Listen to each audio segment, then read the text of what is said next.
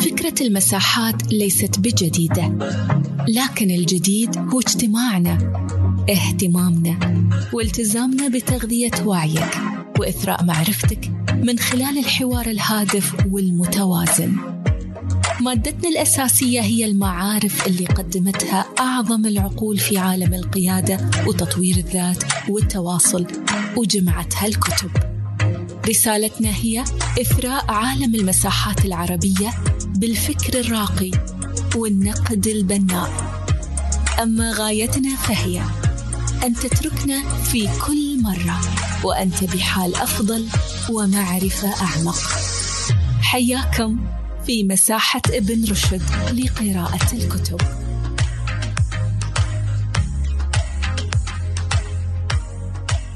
مسيكم بالخير ويا مسهلا ومرحبا. دكتورة خلود الصوت واضح عندك؟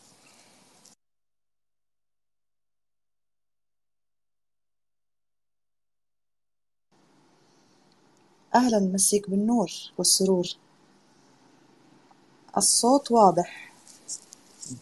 ممتاز ممتاز جدا. نرحب في الجميع. نرحب في المنضمين معنا في مساحة ابن رشد. هذه المساحة اللي استمرت الآن أكثر من سنة بأكثر من 51 حلقة تختص في مواضيع التنمية البشرية والتحفيز الإيجابي آه، والتواصل الفعال بعض الأسابيع نناقش فيها كتب وبعض الأسابيع نستضيف شخصيات تكون مؤثرة في المجتمع وصاحبة آه، أثر إيجابي النقطة إيش هي؟ إن إحنا ما نفتح مواضيع جدلية ولا نفتح نقاشات آه، فضفاضة. نحن نناقش مواضيع علمية وأحيانا أكاديمية وبين فترة وفترة تكون ثقافية. بس دكتورة خلود أنا قبل لا أبدأ في الحوار والنقاش على ما يتجمعون الناس آه، أنا لاحظت شغلة يعني. إيش سبب محبة الناس لك؟ أنا شفت تفاعل جدا كثير يوم إن حطينا البوست. أنت إيش مسوية؟ سؤال إجابته صعبة صراحة. لا لا لا لا لا. على تخصصك مش صعبة. على تخصصك أبدا مش صعبة. يعني الحمد لله هذه من محبة الله أولا وأخيرا.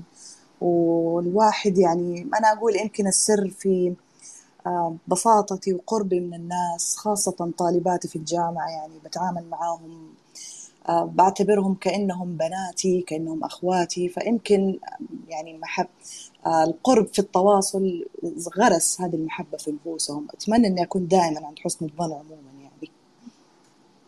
التواضع آه، يجلب محبة الناس؟ أكيد طبعا.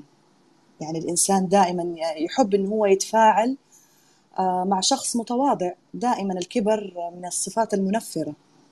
يعني حتى حتى في ديننا الإسلامي الكبر منهي عنه. هذا هذا هذه نقطة جدا جيدة، إيش الفرق بين الكبر والثقة بالنفس؟ آه هو شوف يعني الكبر غالبا يكون في الشخص المتكبر دائما يعتدي على الآخر أما الشخص الواثق من نفسه ما بيعتدي على الآخر هو معتد بنفسه. واثق بقدراته واثق بإمكانياته. آه، ممكن الثقة هذه إذا زادت شوية ممكن تكون مزعجة للبعض لكن يظل هناك فرق كبير بين المتكبر وبين الواثق من نفسه. المتكبر عادة يشعر الطرف الآخر بأنه هو أقل منه أو المتكبر يشعر الطرف الآخر بأنه هو ولا شيء. لكن الواثق من نفسه بالعكس يعطي الطرف الآخر قيمته ويعطي الطرف الآخر أهميته ويشعر بذلك وفي نفس الوقت هو كذلك معتقد في قيمته ومعتقد في أهميته. ومين اللي يحدد هذا الشيء؟ هل الناس ولا الإنسان نفسه؟ مين المعيار؟ والله أنا أقدر أقول المعي... الإنسان نفسه صعب لأنه ممكن المتكبر يشوف نفسه صح. لكن التفاعلات تفاعلات الناس. الناس غالبا ما بتجتمع على على حاجة ما هي صحيحة. يعني آه، إجماع الناس على شخص معين ما أجتمعوا على رأي معين أو على معتقد معين إلا ويكون في جانب كبير من الصحة. آه، الشخص نفسه ممكن يكون يعني متربي أساسا على معتقدات خاطئة. آه، آه، فبالتالي بتسيء فهمه. يعني ما بتخليه إنه هو يكون واعي ومدرك بشكل صحيح للشيء اللي هو بيعمله هل هو صحيح ولا غلط؟ لكن لما يشوف ردات فعل الناس ويشوف كيف تصرفهم معه ويشوف مثلا الأغلب بيجمعوا على إيه فالإنسان الواعي يقدر وقتها يقرر إذا كان هو ماشي صح أو غلط. أتفق معك أتفق معك. طيب آه إذا سمحتي لي بس أرحب باللي انضموا معنا في المجموعة أو في المساحة الأستاذة فاطمة محمد وهي استشارية سعادة وجودة حياة ومدربة آه، وايرد وعائد ومفرج حنتول. ليش الاسم كذا؟ والنعم فيكم كلكم. آه، طيب خلي خلينا نبدأ من البداية يعني. عرفينا بالدكتورة خلود. من هي الدكتورة خلود؟ آه طيب آه اولا أنا خلود ناصر آه أستاذ مساعد في جامعة الملك عبد العزيز قسم علم النفس. تخصصي إرشاد نفسي. آه، مغرمة بتخصصي. أقدر آه، يعني أصنف نفسي إني وصلت لحالة الغرام مع تخصص علم النفس. آه، أقدر أقول إني أنا وجدت ضالتي في هذا التخصص باعتبار إنه أنا بطبيعتي منذ كنت يعني أقدر أقول من أنا كنت طفلة صغيرة دائما متأملة لذاتي متأملة لنفسي متأملة لأفكاري متأملة لمشاعري. كيف بتكون إيش هي طبيعتها كيف بتتغير إيش نوعية المواقف اللي بتخليها آه، مشاعر قوية مشاعر راكدة مشاعر ضعيفة إيش التجارب اللي أنا بأخوض فيها. فكنت أنا من أنا صغيرة دائما يعني تركيزي ووعي منصب للداخل ما هو منصب للخارج. دائما أفكر في خلود أفكر في مشاعر خلود أفكر في احتياجات خلود. ف يعني كان دائما هذا الشيء مسيطر علي. كمان الآخر الشخص الآخر كان دائما يحتل مكان في تفكيري. الشخص الآخر اللي أمامي. اللي أمامي هذا كيف بيفكر كيف بيشعر. لو مر بهذا الموقف إيش المشاعر اللي حتراوده؟ لو مر بهذا النجاح يا ترى كيف حيستشعر السعادة؟ كيف طريقته في إنه هو يشعر بالسعادة؟ آه، خاصة يعني من يخوض تجارب فيها يعني آه، فيها نجاحات وفيها إنجازات آه، كيف يتعامل مع هذه المواقف؟ كيف يتعامل مع مشاعره مع أفكاره؟ هل الآخر هذا الآن هو في الموقف ده هل هو مستقر؟ هل هو يعاني؟ فدائما أفكر في الآخر كيف يشعر. ودائما كنت أربط الشيء اللي أنا أحس فيه غالبا الناس بتحس فيه. فدائما أربط ما أشعر به بما يشعر به الآخرون. بمعنى لو أنه هذا الموقف اللي أنا مريت فيه سبب لي الأذى فعلى طول أربط أقول أكيد الآخر لو مر بنفس هذا الموقف أكيد راح يشعر بنفس الأذى.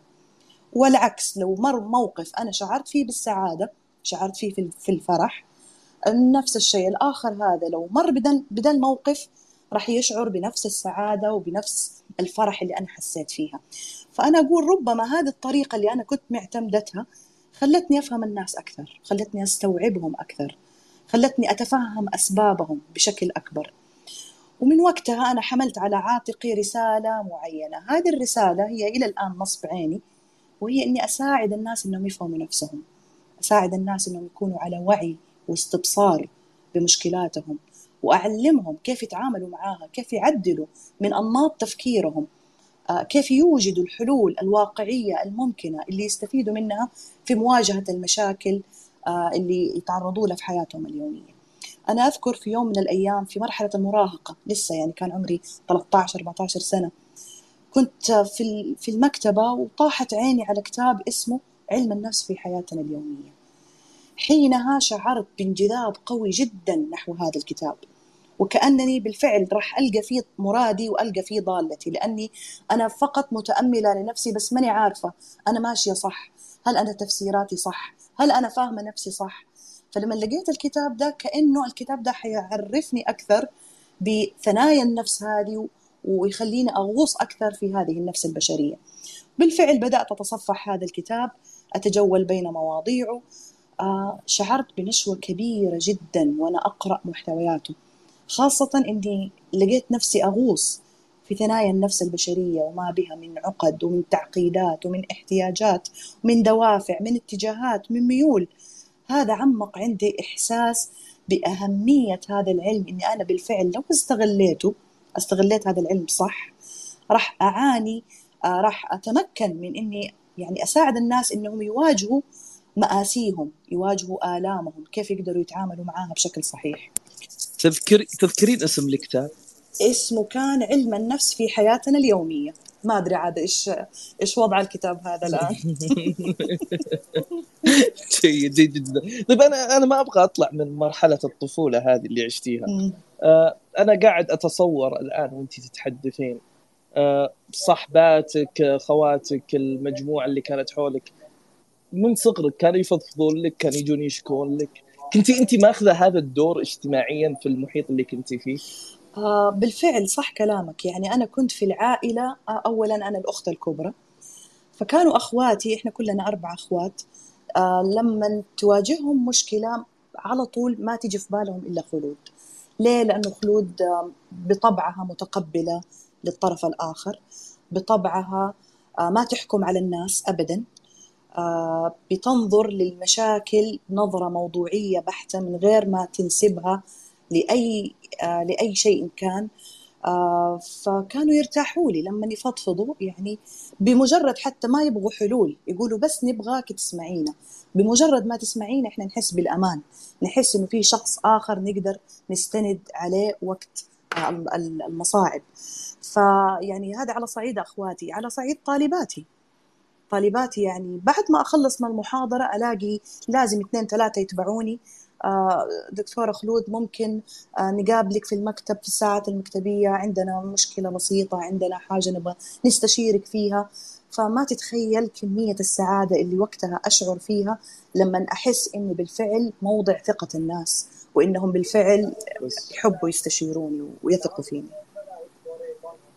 لو سمحتي لي بس دكتورة خلود. أنا حاب أخبر بس اللي في المجموعة اللي حابب تكون عنده مداخلة أو استفسار أو سؤال للدكتورة أو أو استفهام آه، بس يطلب المايك. آه، طيب دكتورة خلود آه، شوفي أنا أنا باخذ الطرف الآخر دور الطرف الآخر. ترى الناس متعب بالنسبة لها إنها تسمع سلبية الآخرين. وفضفضة الآخرين شيء مرة متعب صحيح انت كيف كيف كيف يسعدك الموضوع انت؟ وهي يعني سبحان الله نقدر نقول إنه يعني أنا أنا أنا بحط يعني وش القيمة اللي تضاف للدكتورة خلود لما تاخذ سلبية الآخرين وتحل مشاكلهم؟ القيمة بالنسبة لي أنا لما أسمع سلبية الآخر أسمع مثلا مشاكله وأسمع المعاناة اللي بيعانيها ولما ألاقي نفسه ألاقي نفسي بدأت أتكلم معه وبدأت أناقشه في هذه المعاناة اللي هو بيشعر فيها هو لما يبدأ يقتنع بكلامي ويبدأ يتأثر وألاحظ هذا الشيء في لمعة عيونه أنا هذه تسوى عندي سعادة الكون كلها. كل السلبية اللي كنت أعاني منها بداية يعني إني أهيئ نفسي إني أنا أسمع مشكلة إني أنا آه، أحاول أفكر في حل هذه المشكلة. ترى التفكير في حل المشاكل جدا صعب. خاصة أنت بتتكلم مع شخص آخر في بيئة مختلفة في ثقافة مختلفة. آه اني أنا أفكر في حل المشكلة هذه هذا بحد ذاته مرهق جدا يأخذ من طاقة الإنسان الشيء الكثير. لكن أنا بمجرد ما أنا أمسك الخيط وأبدأ أتحاور مع هذا الشخص ويبدأ كلامي يلقى صدى عنده كل الصعوبات اللي عانيتها في البداية تبدأ تتلاشى. بالعكس يزيد عندي الدافع أكبر وأكبر. إني أنا لا أكون يعني بطاقة تحمل أكبر أكون باستيعاب أكبر. يكون عندي رحابة صدر لاستيعاب الشخص اللي أمامي لأني أنا أبغى اللي أمامي يكون سعيد. أبغى اللي أمامي يكون مبسوط. لمعه الفرح في العين لما أشوفها. ما تتخيل قد إيش تحسسني بنشوة وبسعادة ما بلاقيها في أي عمل آخر في هذه الحياة. كلام جدا جميل. طيب. دخلتي هذا التخصص ودرستي هذا التخصص ولقيتي الأثر آه، بشخصيتك يعني. أنت من يوم أنت طفلة وعندك هذا الجانب. بعد ما مارستي بشكل مهني وش اللي أضاف على شخصك؟ هل هل صرتي تفهمين الناس بشكل أكبر مثلا؟ آه، هل صرتي تستوعبين الطرف الآخر؟ يعني أنا بظن أن أنت ما بتنفعين تكونين قاضية على سبيل المثال انك دائما بتعذرين الناس صح ولا لا؟ أنت دائما بتعذرين الناس دائما أتف... دائما أتفهمهم أتفهم أسبابهم. دائما أعطي العذر أعطي المبرر لأني أنا شاعرة فيهم قبل أي شيء. زي ما قلت لك أنا من الصغر أنا عندي القدرة هذه إني أشعر بالطرف الآخر. أقدر ألمحها من نظرة عيون وأنا أقدر أشعر هو الآن بيحس بإيش وأنا إيش لازم أعمل عشان أتلا أخلي الإحساس ده السيء اللي بيلازمه لازم كيف يخف. فأنا عندي القدرة دي إني أنا بالفعل أفهم الطرف الآخر وأتفهم آه، أسبابه. وبالنسبة لنفسك تتعاملين أنت مع نفسك. يعني أنت قادرة إنك آه، تطلعين من السلبية بنفسك بدون مساعدة الآخرين. والله أنت وصلتي إلى هذا والله الحد. أنا يعني أكذب عليك لو كنت قادره على هذا الشيء 100% يعني أنا برضو بتمر علي أوقات آه، أحيانا ما أفهم نفسي أحيانا أستغرب من بعض ردود الأفعال اللي أنا بعملها. لكن الفرق إني أنا يعني أقدر أتفهم الأسباب أقدر أتعامل من جديد أقدر أقوم نفسي من جديد. عرفت كيف؟ يمكن لو أحد ما هو دارس التخصص ده ممكن يستغرق في مشاعره السلبية. آه، لكن أنا بحكم دراستي وخبرتي فبتخليني أقدر أتعامل مع نفسي أو في لحظات ضعفها أقدر أتعامل معاها بطريقة بكفاءة عالية. كيف كيف تشخصين الاكتئاب؟ أبى أدخل لك دغري كذا في الموضوع. على طول كيف كيف كيف كيف؟ على طول. بدون بدون إشارة مرورية على طول. كيف ممكن تشخصين اكتئاب؟ طيب. هو من أصعب الأمور تشخيصا يعني أنا بعرف هذا الأمر يعني. بس كيف كيف ممكن تشخصينها انت؟ انت أنا أتكلم عنك انت. طيب. كيف ممكن تشخصين طيب هو اولا يعني تشخيص الاكتئاب إحنا في مجال عملنا كأخصائيين نفسيين أو معالجين نفسيين. طبعا في البداية بتكون عندنا مقاييس نفسية. هذه المقاييس الهدف منها بتقيس آه، أو بتشخص إذا أنت مصاب بهذا الاضطراب أو لا. يعني بتعطينا إشارة من خلال استجابات الفرد على المقياس ومن خلال الأرقام اللي بتطلع لنا. كمان من خلال الأرقام نقدر نحدد هل الاضطراب هذا إذا كان مصاب به نفترض اكتئاب. إذا كان مصاب بهذا الاكتئاب هل هو آه، حالته شديدة آه، حالته متوسطة حالته أقل من المتوسط حالته خفيفة جدا؟ فهذه طبعا بنعتمد عليها من خلال الأرقام اللي بتعطينا هي هذه المقاييس. بالإضافة للمقاييس كمان الأخصائي النفسي والمعالج النفسي بتكون عنده حاجة إحنا نسميها الحس الكلينيكي. يعني عنده إحساس بالآخر لما بيتكلم معاه بطريقة كلامه بلغة الجسد آه، بمستوى نبرة الصوت بالألفاظ اللي يتكلمها بطريقة حديثه. ف... والأعراض اللي بي... بي... بيشكو منها أنا ممكن هنا أكون تصور عن المشكلة أو المعاناة النفسية اللي هو بيعاني. بس بس دكتورة إذا كان الموضوع آه، عبارة عن ال body language وكذا فالواحد سهل يطلع من عندكم sick leave.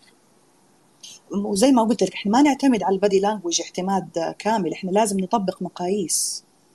لازم نطبق اختبارات المقاييس نفسية. أيوه أيوه إيش إيش إيش هي الاختبارات يعني أيوة. أنا أقصد هل في أجهزة طبية لا المقاييس هي عبارة عن عبارات لها علاقة بالاعراض بأعراض المرض تمام المفحوص يقرأ هذه العبارات ويجاوب عليها هل العبارة دي تنطبق معه ولا ما تنطبق معه عرفت كيف؟ أو يعني هو نموذج موديل. أيوه بالضبط. يعني مقياس عبارة عن مكون من أبعاد مختلفة. كل بعد بيتناول جزء من أجزاء المرض أو من أجزاء الاضطراب وكل جزء مكون من عبارات معينة. فالمفحوص تلاقيه يقرأ العبارة ويتأمل ذاته ويشوف هل العبارة دي بتعبر عنه ولا ما بتعبر عنه. فبيختار الإجابات تكون عبارة عن الاختيار بين بدائل مختلفة. قد تكون هذه البدائل آه، آه، شديد أو إلى حد ما أو أحيانا أو نادرا أو دائما أو غالبا.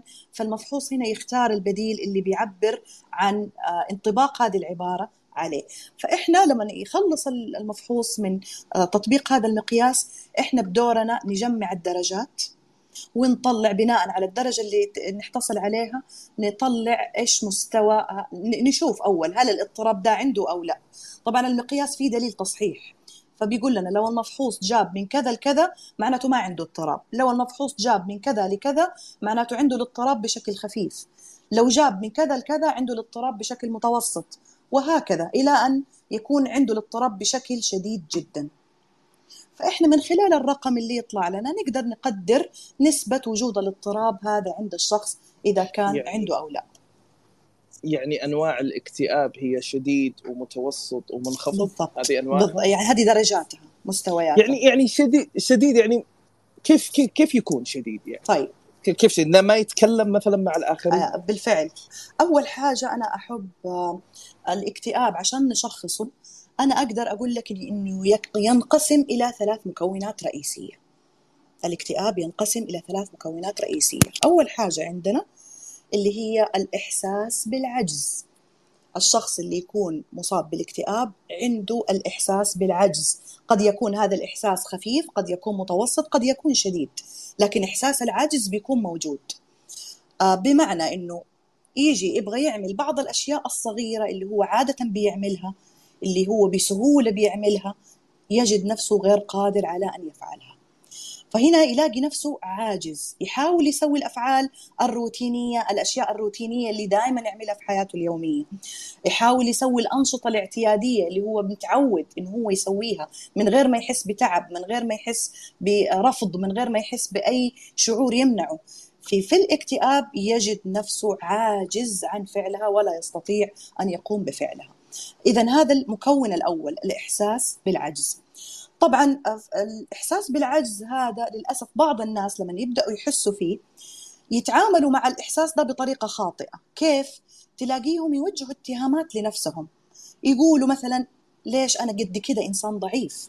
ليش أنا قد كده إنسان غبي؟ أنا كنت أعمل النشاط ده بكل حرفية بكل آآ آه، آآ آه، يعني متمكن منه. طب ليش أنا الآن ماني قادر آه، أعمل النشاط ده؟ فيتهم نفسه بالغباء يتهم نفسه بالضعف يتهم نفسه إنه أصبح إنسان كسول. إنه بعد ما كان نشيط أصبح الآن إنسان كسول في متطلبات عمل ما هو قادر يعملها متطلبات دراسة يحاول أنه هو ينفذها لا يستطيع ذلك. فبالتالي هنا تلاقيه يوجه اتهامات لنفسه وهذا اللي يعمق للأسف من شعور الاكتئاب. أنا هنا إيش أقول, إيش أقول له؟ إيش أوجه له؟ أقول له لا تتعب نفسك ولا تظلم نفسك ولا تتهم نفسك. ترى أنت مو أنت المسؤول عن هذا الشيء اللي بيحصل لك. اللي بيحصل لك ده بسبب الاضطراب. اللي انت بتعاني منه ولا انت نفسك ترى نفسك هي نفسها ما تغيرت لكن دخول هذا الاضطراب عليها هو اللي أثر عليها وعلى آدائها وبالتالي جعلها تشعر بهذا العجز. آه المكون الثاني عندنا الشعور باليأس، الشخص المكتئب دائما هذه الألفاظ ما تفارقه، دائما يقول ما في فايدة مني، لا شيء يستحق، ليش أنا عايش أصلا في ذي الدنيا؟ ليش أنا موجود في هذا العالم؟ آه ليش أنا آه الله خلقني؟ أنا المفروض أكون خلاص أنا أنهي حياتي الآن. لأنه شاعر باليأس وهذا كله بسبب الاضطراب اللي هو الاكتئاب. يعني حتى الأشخاص اللي بتكون علاقتهم بربنا قوية ومعروفين بالتزامهم معروفين بصلاتهم معروفين آه، بقربهم من الله لما يصابوا بالاكتئاب يلاقوا نفسهم بالفعل قربهم من الله هذا برضو ما بيساعدهم لأنه هذا الاضطراب أقوى منهم. والاضطراب ده له علاقة يعني والسلوكيات دي اللي بتصدر منهم ما لها علاقة بشخصيتهم لها علاقة بالاضطراب اللي هم مصابين به ثالث مكون اللي هو الشعور بانعدام القيمة غير العجز واليأس يشعر المكتئب إنه بلا قيمة. يشعر إنه هو نكرة يشعر إنه هو ولا شيء. دائما يقول لا أحاول أو لا أسعى لأنه إيش الفائدة؟ أنا لو لو سويت مثلا مين بده يطالع فيني؟ لو إني عملت الشغل ده مين بده ينبهر فيني؟ أنا أصلا بلا قيمة وبلا هدف في هذه الحياة. فهذه الثلاث المكونات هي اللي بتميز اضطراب الاكتئاب. عشان شخص يكون مكتئب لازم الثلاث المكونات دي تكون موجودة. يكون عنده إحساس بالعجز يكون عنده إحساس باليأس يكون عنده إحساس بانعدام القيمة. جميل. جميل. أنا في سؤال مهم هنا. بس إن سمحتي لي دكتورة رحب باللي انضموا معنا. الأستاذ خالد آه، الأخت فدوى والأخ الدكتور عبد اللطيف وصبري باجسير. آه، اعذروني ما نطقت الأسماء بشكل جيد. ومرفت ومريام ورغد وعائد. يا مسهلا ومرحبا فيكم جميعكم. كل بأسمه ورسمه. لو أحد عنده مداخلة أو سؤال أو استفهام للدكتورة بس يطلب المايك. طيب الدكتورة برجع للنقطة. متى يكون العلاج بالثوت بالأفكار ومتى يكون العلاج بتدخل كيميائي؟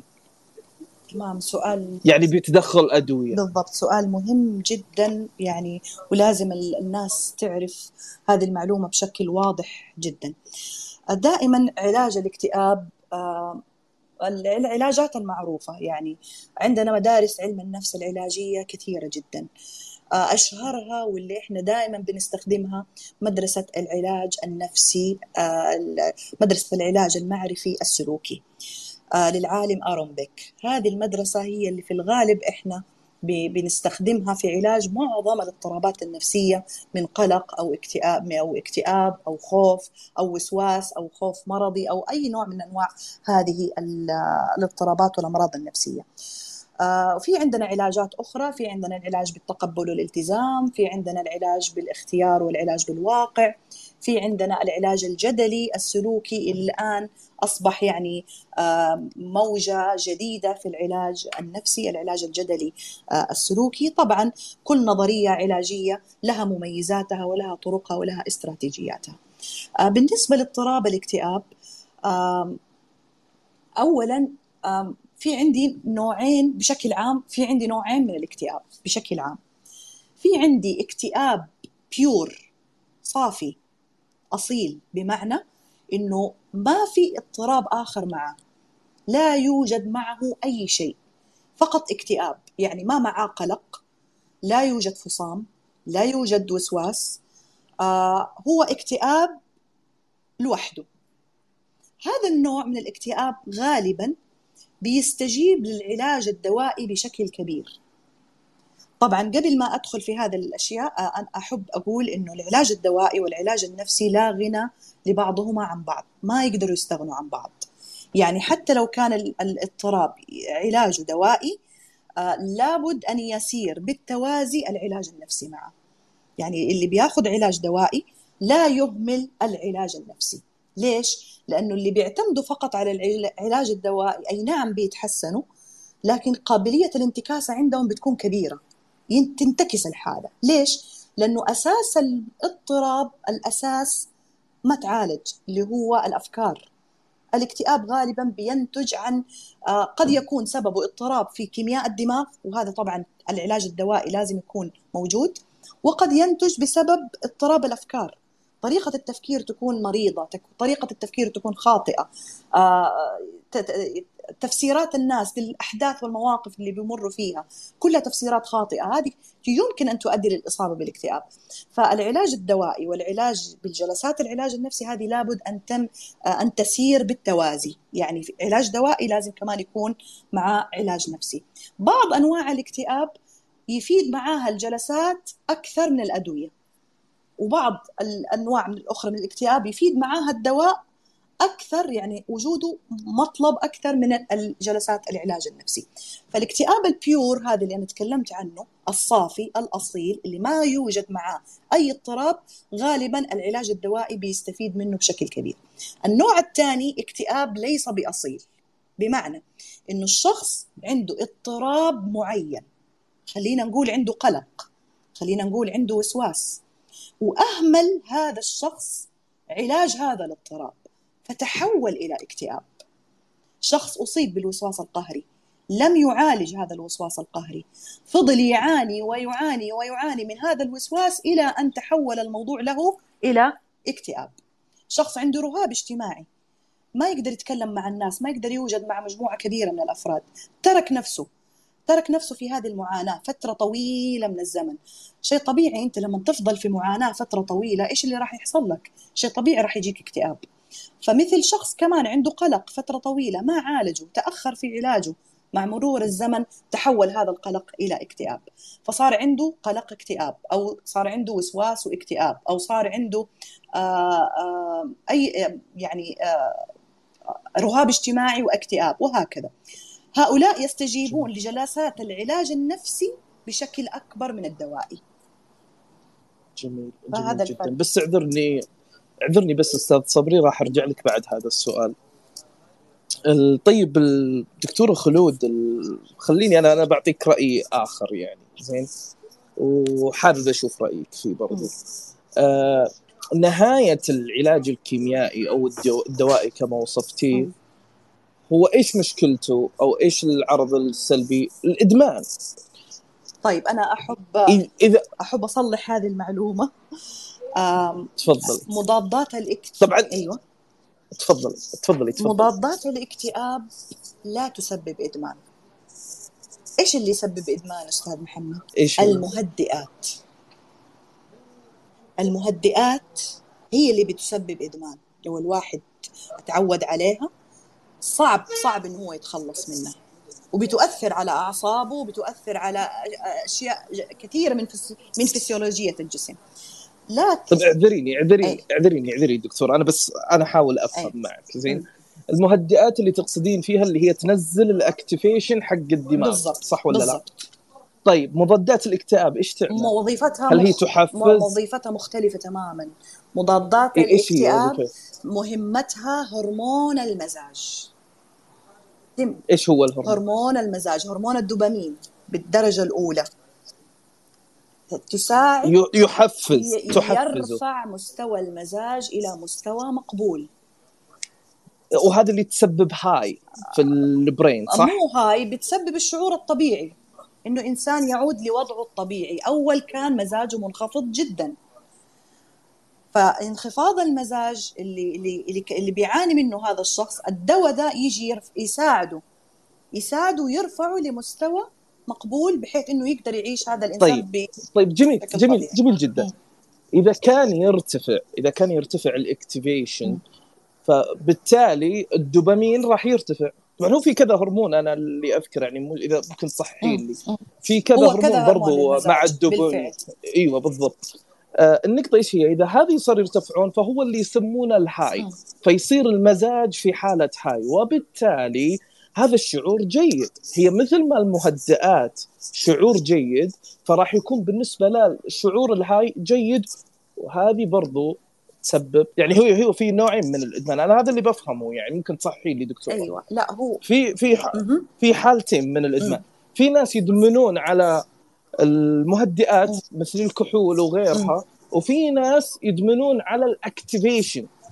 يعني ما أنا أنا مش حابب مثلا نبتة الحشيش مثلا. فاهمة. كيف؟ هي تسبب activation صح ولا. لا؟ ولذلك في نشوف في حالات إدمان لها صحيح وضحي لي هذه الفكرة آه بالنسبة لي طبعا مضادات الاكتئاب لو المريض أخذها وفق لإرشادات الطبيب ب- بالجرعة بالجرعة المناسبة وهنا حط عليها خط يعني كبير بالجرعة المناسبة ولفترة زمنية معينة هنا يكون الإنسان أو المريض يكون في أمان من قضية الإدمان. مو إيش اللي أحيانا يسبب الإدمان؟ سوء الاستخدام. سوء الاستخدام بيسبب إدمان. آه غير إنه يعني آه، الفرق بين المهدئات أنا قلت المهدئات ممكن تؤدي للإدمان بس مضادات الاكتئاب ما تؤدي للإدمان. السبب طبعا السبب طبي بحت آلية تع- تعامل الدواء مع آه، السيالات العصبية اللي في الدماغ الآلية مختلفة تماما. عشان كذا بيقولوا في اختلاف بين الإدمان اللي يسببه المهدئات وبين آه، مضادات الاكتئاب. مضادات الاكتئاب لو لو الفرد استخدمها استخدم الدواء بجرعاتها لأنه في جرعات معينة في سقف له- لهذا الدواء. ال- الطبيب يقول لك خلاص أنت وصلت للسقف أنا ما أقدر أديك أكثر من كذا لأنه ممكن تكون له آثار آه، جانبية. فلو المريض اتبع إرشادات الطبيب وتناول هذه العقاقير آه، بالنسبة المطلوبة بالجرعة المطلوبة ويبدأ يحس المريض خلاص بدأ انه هو تحسن مزاجه تحسن آه، هرمون المزاج عنده استقر هنا وقتها الطبيب تيجي شطارته إنه هو كيف يسحب هذا الدواء من هذا المريض من غير ما يسبب له أي أعراض جانبية. اذا اذا لو كانت المهدئات أيضا بوصفة طبيب آه، بوصفات معينة ممكن ما يوصل الموضوع بالضبط؟ بالضبط هذا اللي تقصدين بالضبط جميل يعني أهم حاجة جميل أهم ما. في الموضوع إنه الواحد لا يأخذ الأدوية هذه باجتهاده الشخصي للأسف في كثير طيب. من الناس بمجرد ما يشعروا بانتشاء ونشوة من هذا الدواء تلاقيهم يأخذوا الجرعة بطريقة غير صحيحة وهنا اللي يسبب إدمان ويسبب ضرر على الإنسان وبالتالي العلاج العلاج بالثوتس أو العلاج بالأفكار أو العلاج النفسي هو الأساس أنا هو أعتبره. الأساس. صحيح. والأهم من العلاج الدوائي لا أو أنا ما أقدر أقول أهم من العلاج الدوائي لأنه لو جاني شخص عنده اكتئاب شديد ترى العلاج النفسي ما راح يفيده. لو جاء أنا ك يعني أنا جاني مثلا شخص عنده اكتئاب شديد أنا ترى ما أقدر أعالجه ولا أقدر أتعامل معاه ابدا. ليش؟ لأنه العلاج النفسي من مبادئه إنه يكون في تفاعل بين المعالج وبين العميل. طيب لما يكون التفاعل ده ما في نهائيا تفاعل. أنا بتكلم كأني بتكلم سلامتكم مع حائط. ما بتكلم مع إيوه لا لا لا, لا بس سبب سبب سبب عدم الأكتيفيشن اللي يصير عند أو التفاعل مثل ما سميتيه هو سببه إيش؟ سبب إن إن الهرمونات مو شغالة عنده بشكل جيد، الهرمونات تستجيب في الدماغ. فانت لما بتعطينه كلام جيد أنا أتوقع إنه يعني كلام يحفز الدماغ. بمعنى آخر. في بعض الأعراض من شدتها ما فيش ولا مليون كلمة تحفز. حقيقي يكون مضطر للعلاج الدوائي. ليه؟ لأنه لو جلس معايا لو جلس معايا جلستين وثلاثة وأربعة ترى حتكون على الفاضي. لأنه أساسا هو ما ما هو مركز معاك. أساسا هو ما بيتفاعل معاك. فكيف حتجيله الفائده من كلامي؟ ما حيستفيد. فلازم يروح للطبيب أنا هنا أحوله. هنا أنا كمعالجة نفسية أحوله للطبيب النفسي.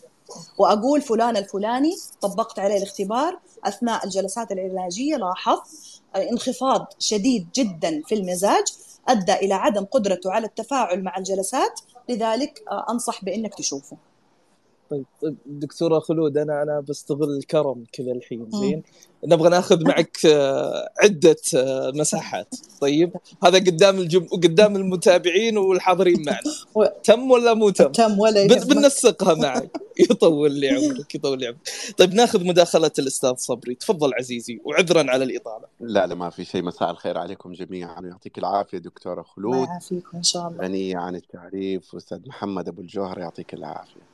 اسمحوا لي أنا مو المتخصص ولكن في أسئلة تدور في ذهني عن هذا الاكتئاب. يمكن أكثر كلمة تطرق آه، موضوع الاكتئاب. هي أسئلة سهلة. هل يمكن أن يحدث أو يصاب الإنسان بالاكتئاب ويشفى منه من غير ما يشعر؟ يعني لا أعرف ولا راح دكتور ولا راجع ولا شيء. هل يمر الاكتئاب مثلا في مرحلة كذا من حياته أو فترة ويروح من غير ما يشعر هذا واحد. اثنين هل ممكن يصاب الإنسان بالاكتئاب ويكون المظهر أقرب للطبيعي؟ يعني يكون هو مو عارف أنه مصاب بالاكتئاب والناس اللي حواليه مو شايفين. يعني عنده قدرة على التأقلم بس هو مكتئب. هذه النقطة الثانية. والنقطة الثالثة متى يكون الشعور بالاكتئاب مجرد وهم؟ إنه يقنع الإنسان نفسه. كثير نحن نشوف يمكن حتى في العنصر النسائي أكثر يمكن تبان من الرجال إنه تعتقد إنه هي مكتئبة أو يعتقد حتى لو كان رجل إنه هو مكتئب بس في الواقع هو أوهم نفسه وقد يدخل في في في في تبعات هذا الوهم بس هو مو مكتئب. الحالات الثلاث هذه دكتورة خلود سامحينا نحتاج إنك توضحيها شكرا جزيلا. تفضلي آه بصراحة أسئلة الأستاذ صبري جدا مهمة وسبحان الله يعني إجاباتها من من ضمن المادة يعني يعني أنا أسئلتي مو لا لا لا بالعكس طيب. لا بالعكس أنت أنت الخير والبركة أستاذ محمد الله يسعدك الله يسعدك تفضلي تفضلي دكتور. طيب أول حاجة سألوا أستاذ صبري إنه هل ممكن يجي الاكتئاب للشخص ويتعافى منه من غير ما يدري؟ آه هنا أرجع أقول حسب شدة الاكتئاب تمام؟ آه الاكتئاب الخفيف وهذا كمان يرجع لمستوى وعي الشخص. يعني ترى الإصابة بالاكتئاب آه، له مستويات. يعني ال ال الأشخاص لما يصابوا بالاكتئاب ما بيكونوا بنفس المستوى. يعني ممكن أنا وزميلتي وزميلتي الثالثة آه بنتعرض لموقف موقف مؤلم تمام؟ آه أنا بمجرد ما تعرضت لهذا الموقف جاني اكتئاب. زميلتي الثانية أوكي انزعجت لكن ثاني يوم قامت ووضعها طبيعي. زميلتي الثالثة آه أنهارت ما بانت نهائيا انعزلت. طيب الموقف واحد وكلنا تقريبا المزاج اختلف. طب إيش ليش الفرق أنا مثلا آه أنهارت من الموقف زميلتي ثاني يوم قامت عادي ما في أي مشكلة زعلت في البداية كده وتضايقت وشعرت بالحزن لكن كلها ساعتين ثلاثة ورجعت لوضعها الطبيعي. طيب إيش الفرق؟ إيش اللي حصل هنا؟ مو الموقف واحد؟ مو الاضطراب واحد؟ مستويات الأشخاص في تلقيهم للتجارب المؤلمة وللصدمات الانفعالية لأنه كلنا عارفين يعني الاكتئاب بيجي غالبا بسبب صدمات انفعالية صدمات قوية ما بيتحملوها فبالتالي يعني فرصة إنهم فريسة سهلة يكونوا للاكتئاب. فأنا طريقة تعاملي مع الموقف كانت أو طريقة تفكيري حول هذه الصدمة كانت طريقة خاطئة. ما فكرت فيها بطريقة صحيحة. ما استوعبتها بطريقة منطقية. فهنا أنهرت وصرت فريسة سهلة للاكتئاب. زميلتي اللي شعرت بالحزن لمدة ساعتين ثلاثة وبعدها رجعت لوضعها الطبيعي استقبالها لهذه التجربة أو لهذا الموقف كان مختلف عني. كانت نظرت إلى هذا الموقف من جوانب مختلفة فسرت هذا الموقف بطريقة مختلفة عني تفسيرها لهذا الموقف هو اللي خلاها تتعامل مع هذه التجربة بكفاءة عالية وهذا كان لها حصن حصين من إنها تصاب باضطراب الاكتئاب. ففي بعض الناس حقيقي ممكن يكونوا بدأوا يدخلوا في الاكتئاب لما يكون شديد آه عفوا يكون خفيف وبطريقتهم الإيجابية في التعامل مع المواقف وتفسير الأحداث بيلاقوا نفسهم بدأوا يتخطوا هذه المرحلة الصعبة من حياتهم. وهذا الشيء طبعا راجع لصلابتهم النفسية راجع لوعيهم راجع لأنهم باستمرار بيقرأوا باستمرار بيحضروا ورش عمل آه، وقائية نفسية. فهم اكتسبوا هذا الشيء وعرفوا إنهم كيف يتعاملوا فيه وما يعني ما تعمقوا ما ما أدوا لنفسهم فرصة إنهم يستغرقوا في هذا الاكتئاب، لكن في الناس اللي ما عندهم معرفة، ما عندهم معلومات عامة عن الصحة النفسية عن طرق الوقاية. تفسيراتهم دائما بتكون متشائمة تفسيراتهم دائما بتكون سلبية. هذول الناس تلاقيهم أكثر عرضة للإصابة بالاضطراب آه، أو باضطراب الاكتئاب. آه، طيب آه، فالسؤال الثاني لاستاذ صبري قال هل ممكن يكون واحد مصاب بالاكتئاب وما يبان عليه؟ أنا أقول إيوه بالفعل. ممكن تلاقي إنسان مكتئب عنده اضطراب الاكتئاب وهو يعمل معك في العمل يكون زميلك جنب قاعد جنبك في المكتب بيطبع الكمبيوتر بيرد على المعاملات بيستقبل اتصالات يعني أموره ماشية تمام التمام. آه بتلاقيه يبتسم آه بتلاقيه يعني بيتفاعل مع الناس ويتكلم معاهم ما بتظهر عليه أي علامة من علامات الاكتئاب. لكن هذا الشخص لو ألقينا العدسة للداخل لو وجهنا عدسة النظر للداخل بنلاقيه هو فاقد تماما لطعم الحياة. الأشياء اللي كان يستمتع بها في السابق لم يعد يجد لها أي متعة. نجده داخليا هذه الأشياء يرددها يرددها بينه وبين نفسه. دائما يقول أنا أفضل إني ما أعيش أفضل إني ما أكمل حياتي أو أنا ليش أنا أصلا عايش؟ إيش هو أصلا دوري في دي الحياة؟ أنا إنسان عديم الفائدة عديم القيمة مثلي لا يستحق أن يعيش وغيرها وغيرها وغيرها من الأفكار السلبية اللي بتسيطر عليه وتمنعه من الاستمتاع بالحياة. مثل هذا الشخص تلاقيه في الشغل ما هو باين عليه أي علامة، لكن متى تظهر عليه علامات الاكتئاب الحقيقية؟ لما يرجع البيت ويختلي بنفسه ويبدأ هنا عاد خلاص تبدأ الهواجس تتمكن منه تبدأ الأفكار تسيطر عليه يبدأ يحس يحس بالكسل بفقدان الطاقة بفقدان الشغف ما يبغى يشوف أحد ما يبغى يتكلم مع أحد فتبدأ هذه الأعراض تسيطر عليه. فبالفعل في ناس بيكون عندهم الاكتئاب لكن أنت ما بتلاحظ وعلى فكرة هذول الناس ترى عندهم قدرة عجيبة إنهم يخفوا ما يشعرون به. وهذا اللي يسمونه smiling depression بالضبط. هذا اللي إحنا نقدر هذا المسمى ترى يعني هذا هذه تسمية صح آه، جديدة الآن طلعت يعني.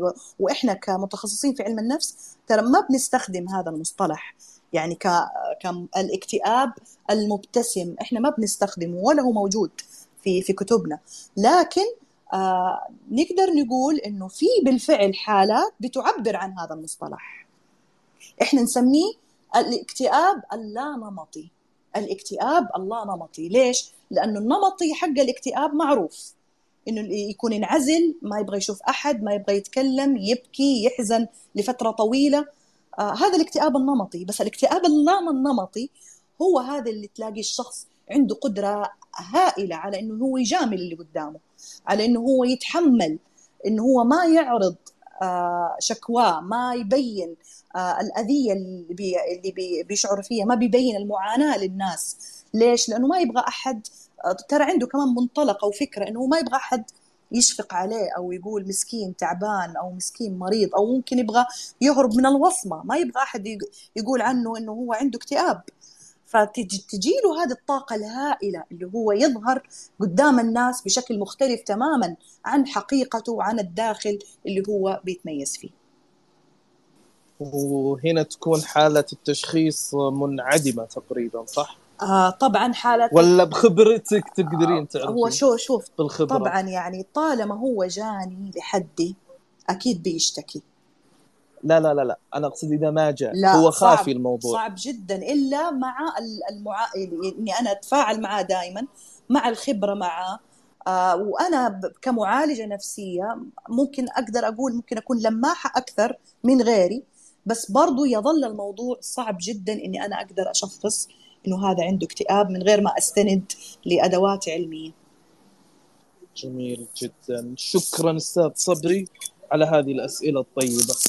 آه طيب دكتورة خلود ال- ذكرتي إن الاكتئاب يبدأ بمراحل الأفكار السلبية مع الوقت تتراكم وتولد قلق حزن ينتهي الموضوع إلى اكتئاب بالضبط. طيب أنا أنا قاعد أفكر معك بصوت عالي. لو كانت عندي إيجابية إيجابية تنقح الأفكار السلبية هل الإيجابية هنا تكون هي مناعة الاكتئاب آه شوف أستاذ محمد إحنا الإيجابية مطلوبة وتعتبر بالفعل وقاية من الاكتئاب. آه الإيجابية للأسف آه في الوقت الحاضر الآن آه ظهرت كثير مقولات بتتكلم آه خليك إيجابي باستمرار. خليك إيجابي، خليك قوي، لا تستسلم، أنت قدها، أنت عندك وما ما تملك وأنت وأنت بيضخموا في الإنسان تضخيم ممكن يصل الموضوع إلى الجانب لا واقعي. يعني أنتوا كده بتخرج الإنسان عن واقعيته. في النهاية ترى كل فرد عنده قدراته وعنده إمكانياته. بلاشي إنكم تقولوا كلام تحسسوه إنه هو بطل خارق. إنه أطلق العملاق اللي في داخلك وأطلق الماني عارفة إيه. طبعا هذا كله إحنا في علم النفس ما بنتقبله ابدا وما بنعتبره حاجة كويسة لأنه إحنا ناس في النهاية لازم نكون ناس واقعيين لازم نراعي الواقع في حياتنا لأنه لو ما راعينا الواقع كأننا حنعيش في في وهم. وهذا الوهم بس بس كيف كيف كيف, كيف ممكن تعززين الإيجابية إذا؟ طيب. يعني إن يعني إذا إن إذا إن كلام مثل هذا وأنا أتفق معك الكلام الغير واقعي بالنهاية ما منه فائده يعني بيعطيك صورة غير لا تمس الواقع بشيء. ولكن وش الكلام اللي تقولينه؟ طيب. عشان الشخص يكون قوي داخليا. طبعا هذا كلامي مو معناته إني أنا أكون إنسانة متشائمة. مو معناته إني أنا أكون إنسانة يعني محبطة. لا أنا ماني محبطة ولا ولا إنسانة متشائمة. أنا فقط أقول علينا أن نحذر من حاجة اسمها الإيجابية السامة. حقيقي في إيجابية سامة. إيش هي الإيجابية السامة هذه؟ آه الإيجابية السامة بمعنى إنه بتكون الإيجابية معممة بشكل مفرط على كل مواقف الحياة. هذا التعميم الشامل والمفرط لمفهوم السعادة ومفهوم التفاؤل إنه في كل أوقاتنا آه لازم نكون متفائلين لازم نكون سعداء. الشعور المفرط هذا بيؤدي بنا إلى حالة النكران. ننكر إنه ليش أنا بتألم؟ ليش أنا بتحصل لي المصايب دي كلها؟ ليش؟ فحالة النكران هذه والتقليل من شأن المشاعر البشرية الفطرية الأخرى. يعني إحنا ترى بشر عندنا مشاعر متنوعة. زي ما عندنا مشاعر إيجابية كمان في عندنا مشاعر سلبية. في عندنا حزن في عندنا ألم في عندنا خيبة في عندنا غضب في عندنا غيرة. طب إحنا بالإيجابية السامة دي إحنا بنلغي المشاعر دي كلها. فأنا لا غلط إني أنا ألغيها. من القوانين الأساسية اللي بتساعدني في إدارة مشاعري بشكل صحيح أنا لازم أعترف بالمشاعر السلبية وأعلن حقي في إني أنا أشعر بها وما وما أنكرها وأعترف بوجودها. الإيجابية مطلوبة لكن على أن لا تكون هذه الإيجابية على حساب حقي في إني أشعر بالمشاعر السلبية. يعني أنا تو أبويا أبويا مثلا أتوفى. يجيني شخص يقول لي لا خليكي قوية أنت ما, ما عمرك كنت ضعيفة أنت ليش قاعدة تبكي؟ وأنت أخصائية نفسية وكيف تبكي؟ لا لا معلش أنا قبل ما أكون أخصائية نفسية أنا بشر. أنا من لحم ودم. سيبني أحزن. أنا لازم أحزن. أنا لو ما حزنت الآن الحزن هذا حيتراكم. وحي... سلامتكم حيعفن في داخل النفس البشرية. وحتظهر آثاره قدام على شكل اضطرابات نفسية ومعاناة أنا أفضل أعانيها. كله بسبب أني أنا ما حزنت في هذه اللحظة. فالحزن مطلوب الخوف مطلوب الغيرة عادي لو أني حسيت بالغيرة من أحد. بلاش أستاء من هذه المشاعر السلبية لأنه استيائي منها وعدم اعترافي بها هو اللي يخليني أصاب بالاضطراب النفسي فيما بعد. ليش؟ لأنه لما أنا ألغيها من قاموسي البشري وما أخليها موجودة فأنا هنا كأني عاملت نفسي كأني روبوت. طب في النهاية هل أنا حأنجح بهذه الطريقة؟ بالعكس أنا لما حتقابلني بعد كده أي مصيبة قدام أو أي آه، تحدي أو أي مشكلة ما حقدر أتعامل معها بطريقة صحيحة. فهنا نقول يعني لا تستاء من استيائك بمشاعرك السلبية. اعترف بيها آه، أعطي لنفسك الحق أنك تشعر فيها لكن لكن في كمان شرط. مو إني أنا أستغرق فيها. طيب.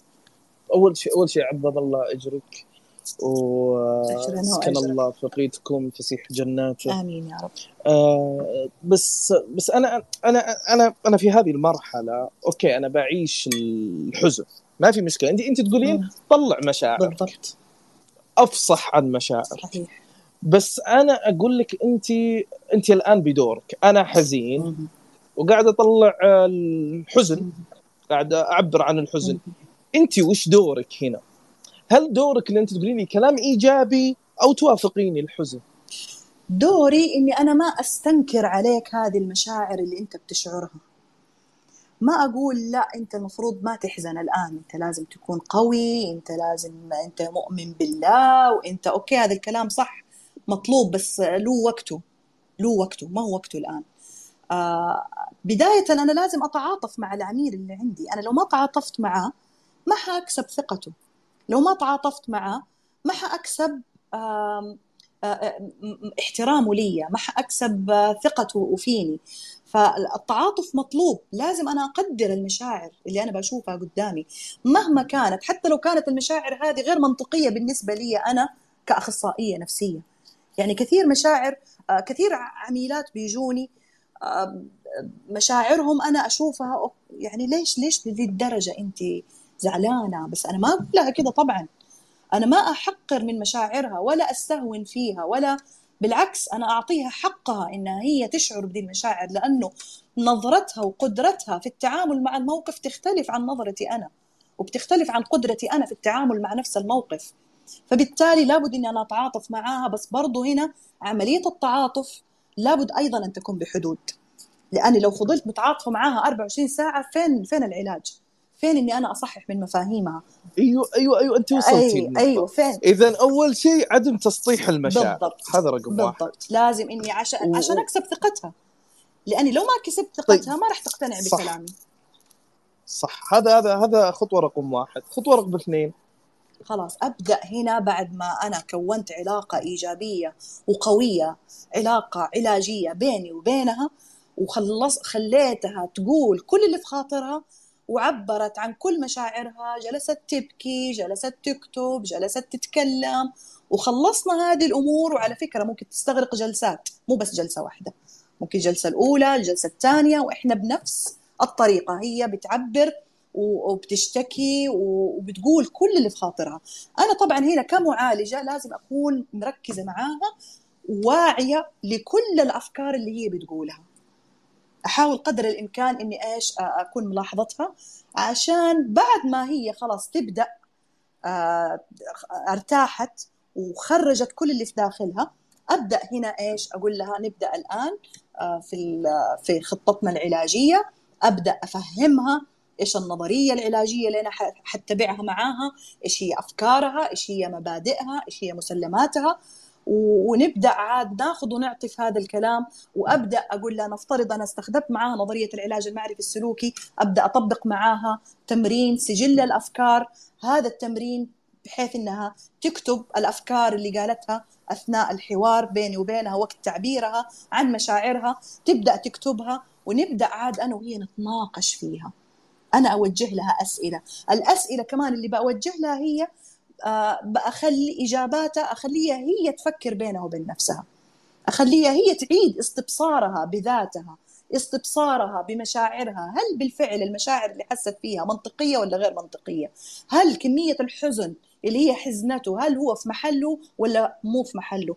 مو أنا اللي أقول لها الكلام ده. من خلال كلامي معاها وأسئلتي لها أخليها هي اللي تستنتج هذا الاستنتاج وتقدر تقرر إذا كانت ردود افعالها وتعاملها مع الموقف يستحق هذه المعاناة اللي دخلت نفسها فيها ولا لا لا يستحق هذه المعاناة. جميل جدا. إحنا تقريبا وصلنا إلى نهاية المساحة هي فقط 60 دقيقة. الكلام جدا يطول لكن الحمد لله. ترى يا جماعة الخير أخذنا موافقة من الدكتورة ان نأخذ كذا مساحة معها يعني. فإن شاء الله في عناوين كثيرة في محاور كثيرة في مواضيع كثيرة راح نتناولها مع الدكتورة. آخر سؤال أسألك إياه.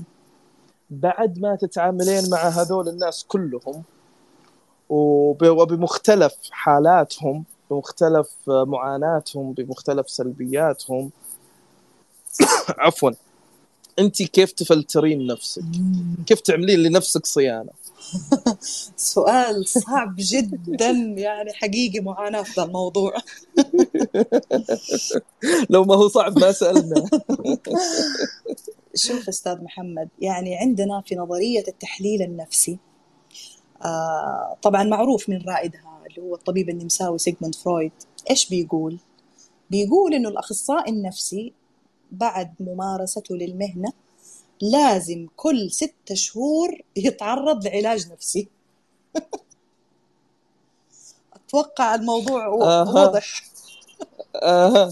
يعني يعني يعني انت تصيرين زبون للعياده لازم لازم الأخصائي النفسي مو معناته إنه هو يعني حيفضل طول عمره يعالج. لا في في وقت من الأوقات يحتاج من يعالج هذا الأخصائي النفسي. فبالفعل يعني إحنا نحتاج فلترة قوية جدا بين فترة وأخرى. لازم نستقطع وقت لرعايتنا الذاتية.